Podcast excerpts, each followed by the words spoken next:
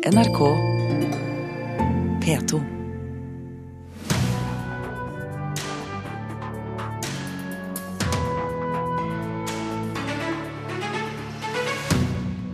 Striden om hvorvidt Nasjonalgalleriet skal brukes til kunst, har blusset opp igjen. Følelsene er hete, men faktum er at ingen har vist vilje til å betale for det, mener Statsbygg. Anne B. Ragdes nye oppfølger av Berlinerpoplene er ingen stor litteratur, mener vår anmelder, som forklarer hvorfor. Og ny rapport konkluderer med at potten som er satt av for å lokke Hollywood-produksjoner til Norge, må økes. Velkommen til Kulturnytt. Mitt navn er Stine Tråholt. I dag møtes kulturministeren og Stein Erik Hagen for å drøfte hva som skal til for at kunstsamlingen hans kan lånes ut til Nasjonalmuseet. Striden rundt Hagens kunstsamling har ført til at debatten om hva Nasjonalgalleriet skal brukes til når Nasjonalmuseet flytter, nok en gang har blusset opp. Nasjonalmuseet selv vil gjerne bruke Nasjonalgalleriet til kunst, men etterlyser da flere hundre millioner kroner til å ruste, ruste opp bygget, som nå skriker etter vedlikehold. Dette gamle huset er litt som en svamp. Eh, hvis det regner ute, så trekker fukten inn i veggen med en eneste gang. Det er Kari Greve som er seksjonsleder for konservering, som tar meg med ned i kjelleren på Nasjonalgalleriet. Nå går vi inn i konserveringsavdelingen. Her er kjemikalier, pensler og fargekart fra gulv til tak. Alt man trenger for å vedlikeholde Norges aller viktigste billedkunst. Så ser du jo at bygningen er jo eh, langt fra ideell. Veggene raser jo ut. Murpuss og maling løsner og detter ut. Er det farlig? Eh, farlig vil jeg da endelig håpe at det ikke er, men det er jo ikke ideelt i omgivelser som helst skal være støvfri. Men om tre år skal de heldigvis flytte, sier Greve. For da står et nytt museum klart på Vestbanen ved Aker Brygge med en prislapp på 5,5 milliarder kroner. Dermed er det usikkert hva det gamle bygget fra 1882 skal brukes til. For da Statsbygg tidligere i år anbefalte at Universitetet i Oslo skal overta Nasjonalgalleriet for å vise fram middelalderkunst, ble det bråk. Alt annet enn Nasjonalgalleriet i den bygningen blir bare nest best. Hvorfor skal vi satse på nest best? Det er jo helt skammelig. Ja, Man må jo tenke litt lenger. ikke sant? Skal man dytte alt mulig inn i den der eh, sarkofagen på Vestbanen? Men hvem har egentlig råd til å drive Nasjonalgalleriet videre? Det koster 600-700 millioner kroner å pusse opp museet til en internasjonal standard, slik at man kan fortsette å vise billedkunst der, har Statsbygg regnet ut. I tillegg koster det rundt 35 millioner kroner i året å drifte museet, og da er ikke kostnader til utstillinger og lønn tatt med. Den høye prisen er nettopp en av grunnene til at Statsbygg har anbefalt at Nasjonalgalleriet skal overtas av universitetet. Det sier administrerende direktør i Statsbygg, Harald Nikolaisen. Det er ingen som har et behov i den forstand at man er villig til å stille finansiering for å realisere det, og som ville blitt realisert et annet sted hvis det ikke hadde blitt på Nasjonalgalleriet. Fra museets side så har vi jo vært tydelige i, i nå flere år på at vi syns det ville være best eh, å fortsette med kunst i Nasjonalgalleriet. Sier Nasjonalmuseets direktør Audun Eckhoff. Han mener han ikke har nok penger på budsjettet til å ruste opp Nasjonalgalleriet. Derfor spiller han ballen videre. Det er jo eh, opp til de bevilgende myndigheter. Det har jo vært eh, mye frem og tilbake om hvor mye dette eh, skal koste. Sier Hans Olav Syversen, som er KrFs parlamentariske leder på Stortinget. Han har skriftlig bedt kulturminister Helleland gjøre rede for sitt syn på fremtiden til Nasjonalgalleriet. Men jeg oppfatter at innenfor rimelige økonomiske rammer så er veldig mange opptatt av, også vi i KrF, å kunne beholde Nasjonalgalleriet som et visningssted for eh, billedkunst. Reporter Petter Sommer Kulturkommentator Agnes Moxnes, rimelige økonomiske rammer blir det sagt her. Hva betyr det? Det er nok litt eh, ønsketenkning fra Hans eh, Olav Syvertsens side. fordi at Nasjonalgalleriet må pusses opp skikkelig hvis det skal vises kunst der i framtida. Det er ikke noe valg om det. Det kommer til å koste hundrevis av millioner kroner. Dessuten så kommer det til å påløpe et store millionbeløp årlig for å drive eh, et, et nasjonalgalleri.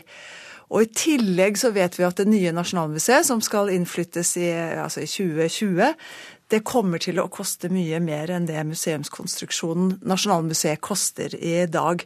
Så jeg tror at her er det noen kraftige økonomiske utfordringer som politikerne må ta tak i. Ja, Hvilke dilemmaer står politikerne overfor? Altså, det, det, er det, er flere dilemmaer her. Nasjonalgalleriet må sikres for framtida. Det er en nasjonalskatt.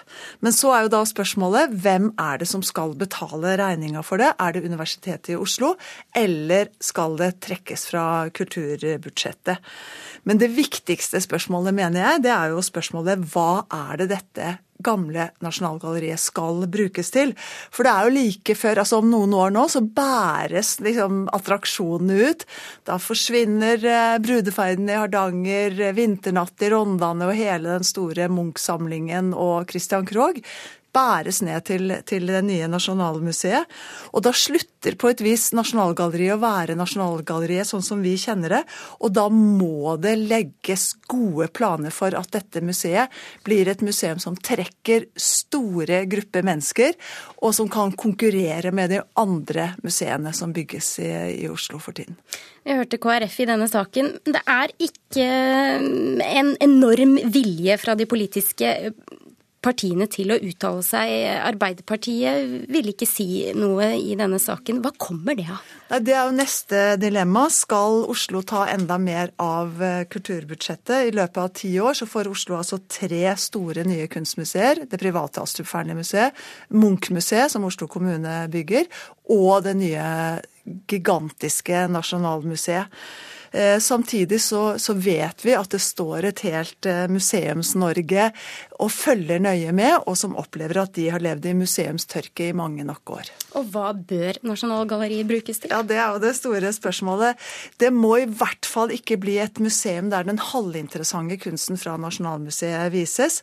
Og jeg syns godt at Nasjonalgalleriet kan drives som et samarbeid mellom Kulturhistorisk museum og Nasjonalmuseet. Eh, da vil det bli et interessant møtested mellom kunst og vitenskap.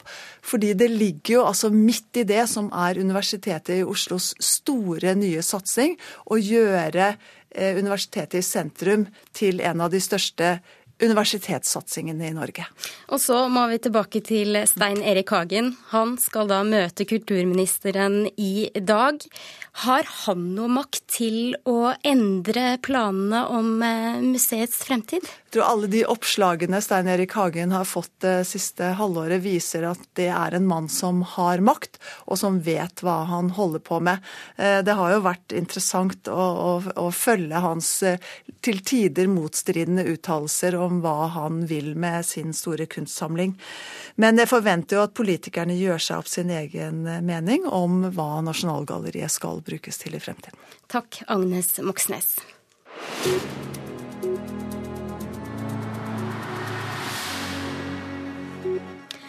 Posten tapte kampen om å få levere aviser til områder med spredt befolkning på lørdager.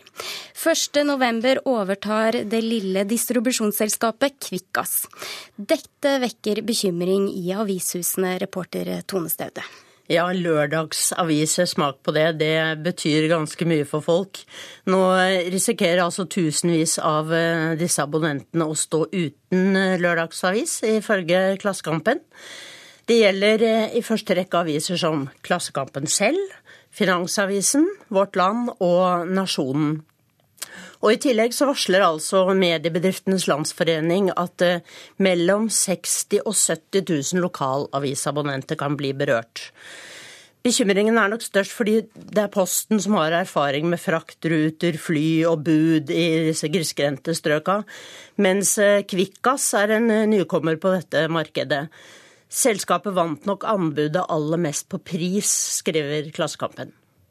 Og så til en annen sak som Aftenposten skriver om i dag. Det er hva som skal skje med 22. juli-senteret i regjeringskvartalet. Ja, Statsbygg vil rive tilbygget til Høyblokka der informasjonssenteret ligger i dag.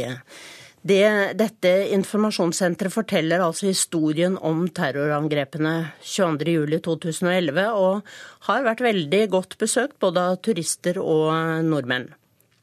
Det har eh, hele tiden vært meningen at det skulle være midlertidig. Men eh, Tor Inge Christoffersen, som altså er regjeringskvartalets representant i den nasjonale støttegruppen, syns det er trist hvis paviljongen rives. Han tror ikke at det går an å gjenskape denne utstillingen et annet sted. Takk for den orienteringen, reporter Tone Staude.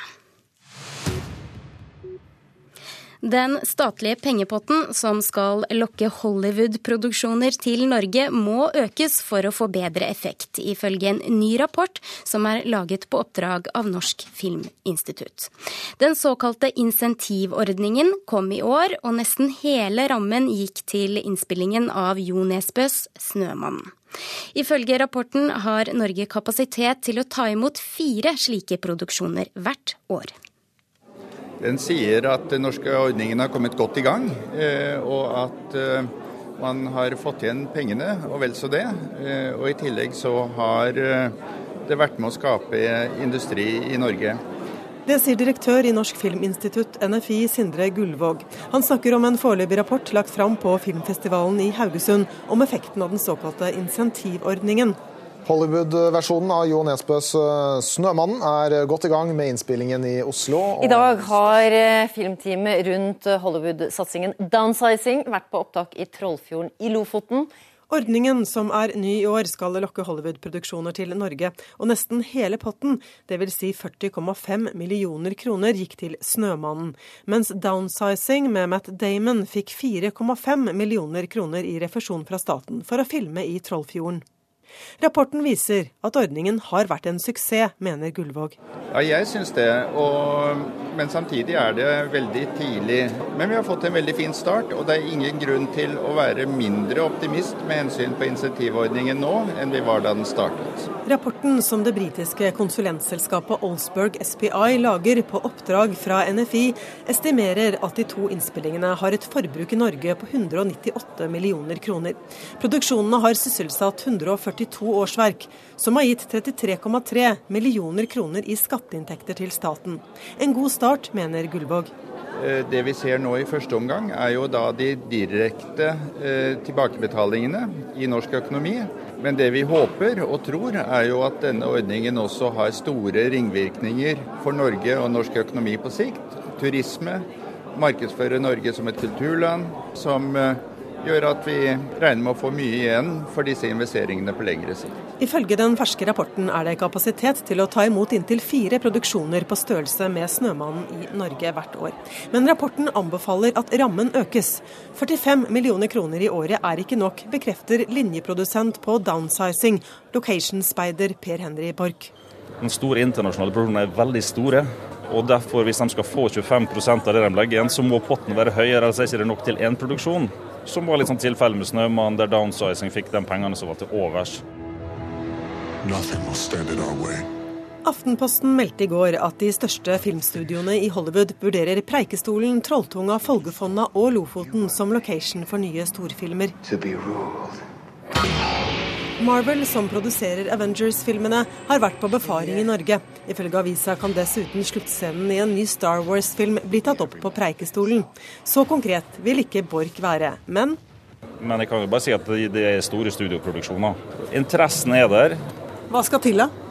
Mer forutsigbarhet, rett og slett. Høyere pott øh, vil jeg tro vil være gunstig, og, flere søknadsfrister i året. Kan ikke ha én søknadsfrist, det passer jo ikke, rett og slett. Og nå må vi bare se på at denne ordninga her er sin spede begynnelse.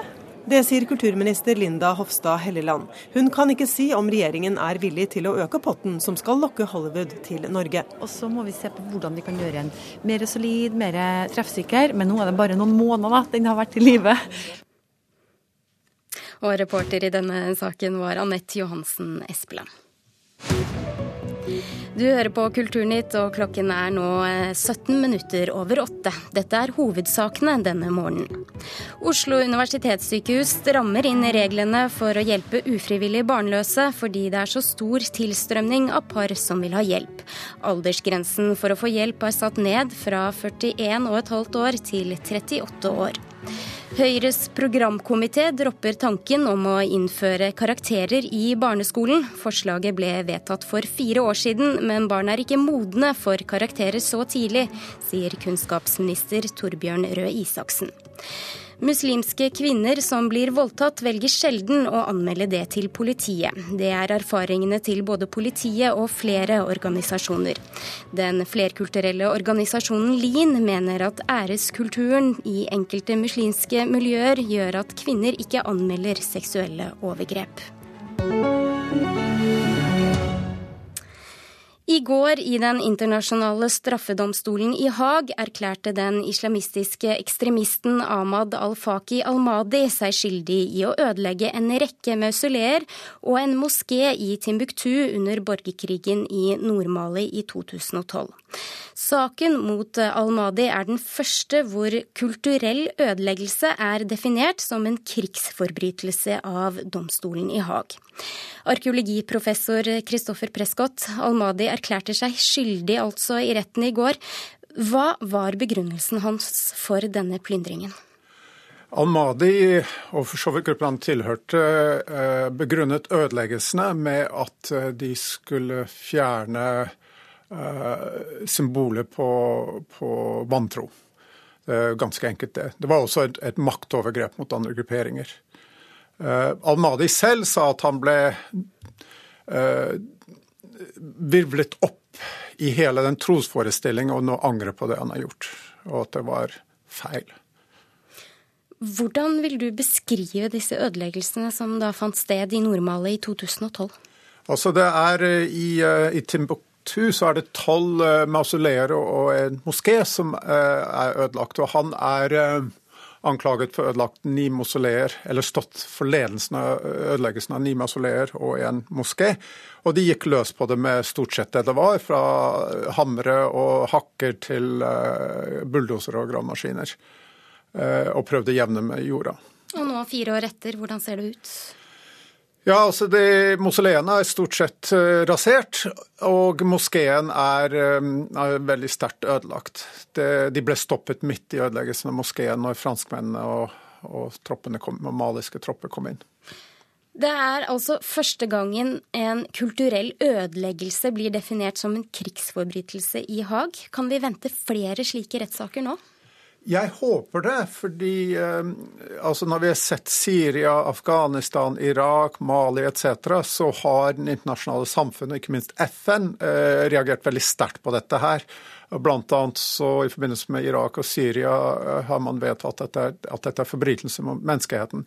Men det er tomme trusler. Man har egentlig ikke noe å stille opp overfor dette her. Og På den andre side så har vi hatt disse disse her cowboytanker om at man kan sende inn styrke fra Vesten for å stoppe dette. her. Er, eh, så det er veldig positivt at det kommer rettslige oppgjør, og jeg håper det kommer flere. Jeg håper også at det vil få et begrense litt av de ødeleggelser disse gruppene står for. At det får konsekvenser. Mm. Ja, Du har jo vært her før og snakket om ødeleggelsene av den antikke ruinbyen Palmyra i Syria. Er det grunn til å tro at dette blir en sak?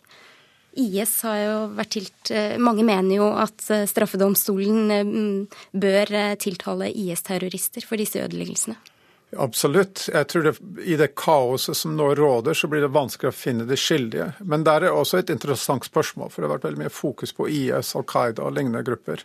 Taliban. Men også regjeringsstyrker til Assad f.eks. har stått for massiv plyndring og ødeleggelser i i Palmyra og andre steder. Så det blir interessant å se om, om uh, på en måte jussen er lik for alle, eller om man primært uh, fokuserer på de mest outrerte uh, fiender. Men det at slike saker nå tas til Haag, tror du at det vil skape en frykt for de som ødelegger kulturminner? Det er å håpe, og jeg syns det er en riktig måte å gå frem, at man gjør det gjennom rettsapparatet og ICC. Men Strengt tatt så tror jeg ikke akkurat en, eh, en rettssak i Haag er det som uh, disse grupperingene frykter mest. Mm. Til slutt, for å tra opp eh, tråden her med Al-Madi. All grunn til å tro at han nå blir dømt, siden han erklærte seg skyldig? Ja. Eh, retten har sagt de skal gjennomføre rettssaken. Han har erklært seg skyldig. Han ber om unnskyldning, men han risikerer fengselsstraff. Og det er for så vidt riktig, uansett hva han sier i dag, at han får det. Takk for at du kom til eh, Kulturnytt, arkeologiprofessor Kristoffer Prescott.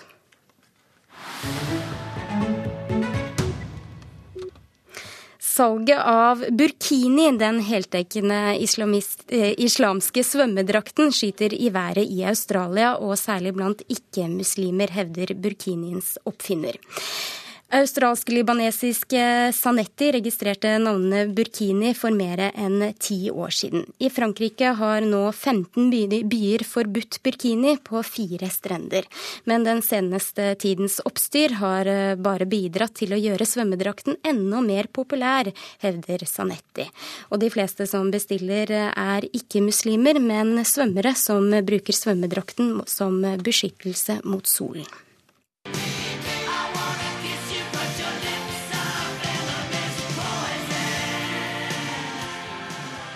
Lenge etter at Clinton og Trump er klare som sine respektive partiers kandidat i USA, kaster en uh, musikalsk outsider seg inn i presidentkanten. På sin egen nettside gjør nemlig 68 år gamle Alice Cooper rede for sitt uh, politiske program. Her tar han bl.a. til orde for uh, at den avdøde frontfiguren i bandet Motorhead, Ein Lemmy bør eh, hogges inn i Mount Rushmore, og at komikeren uh, Gruco Marx bør pryde 50 dollar-seddelen.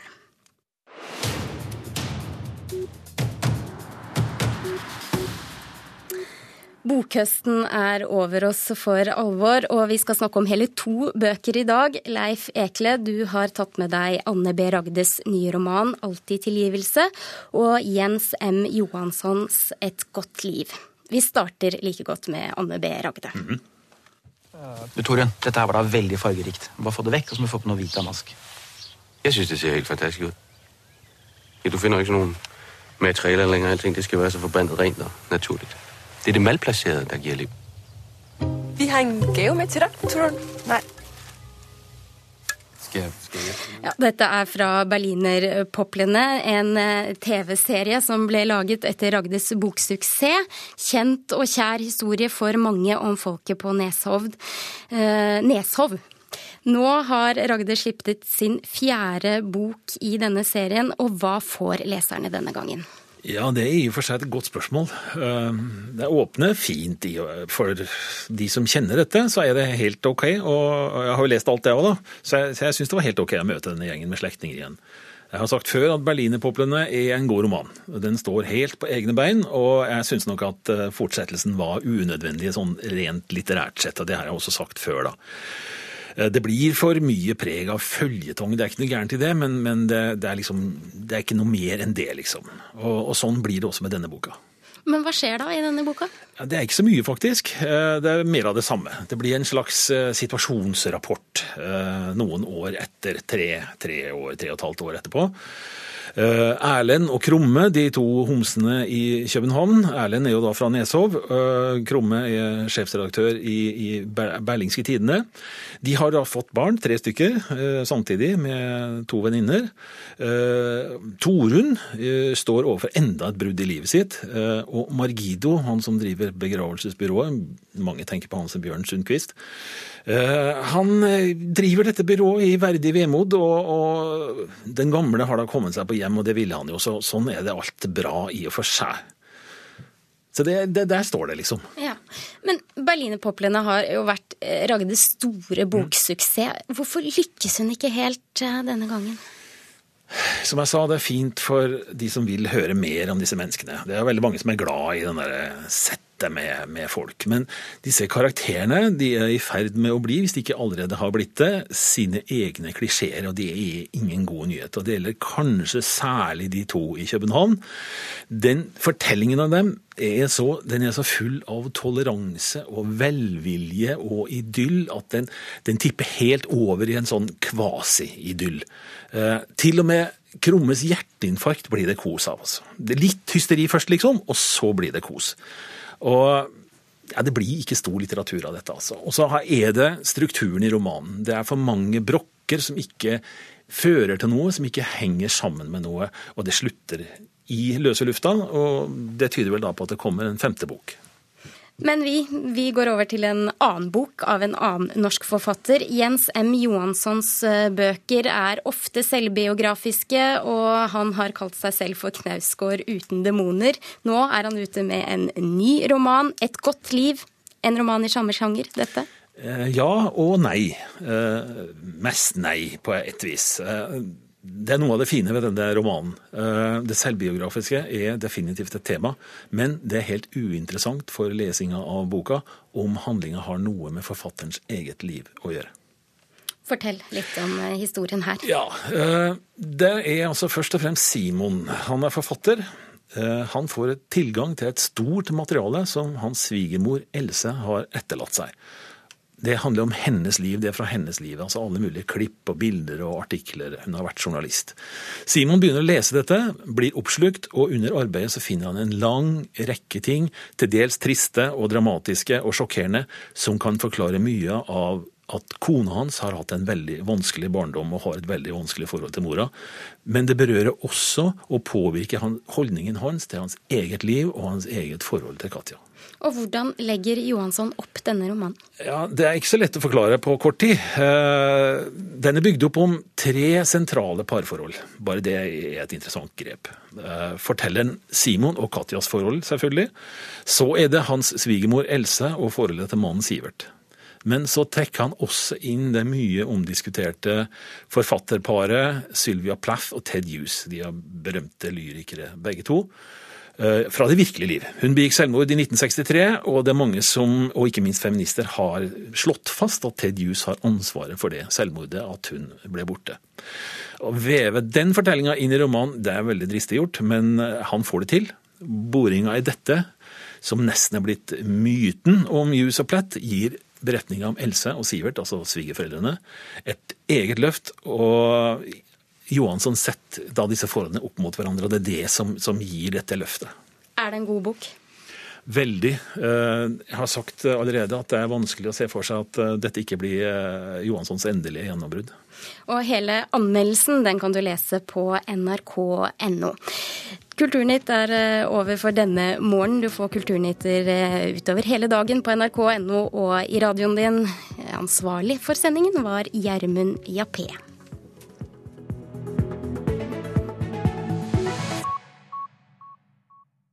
Hør flere podkaster på nrk.no podkast.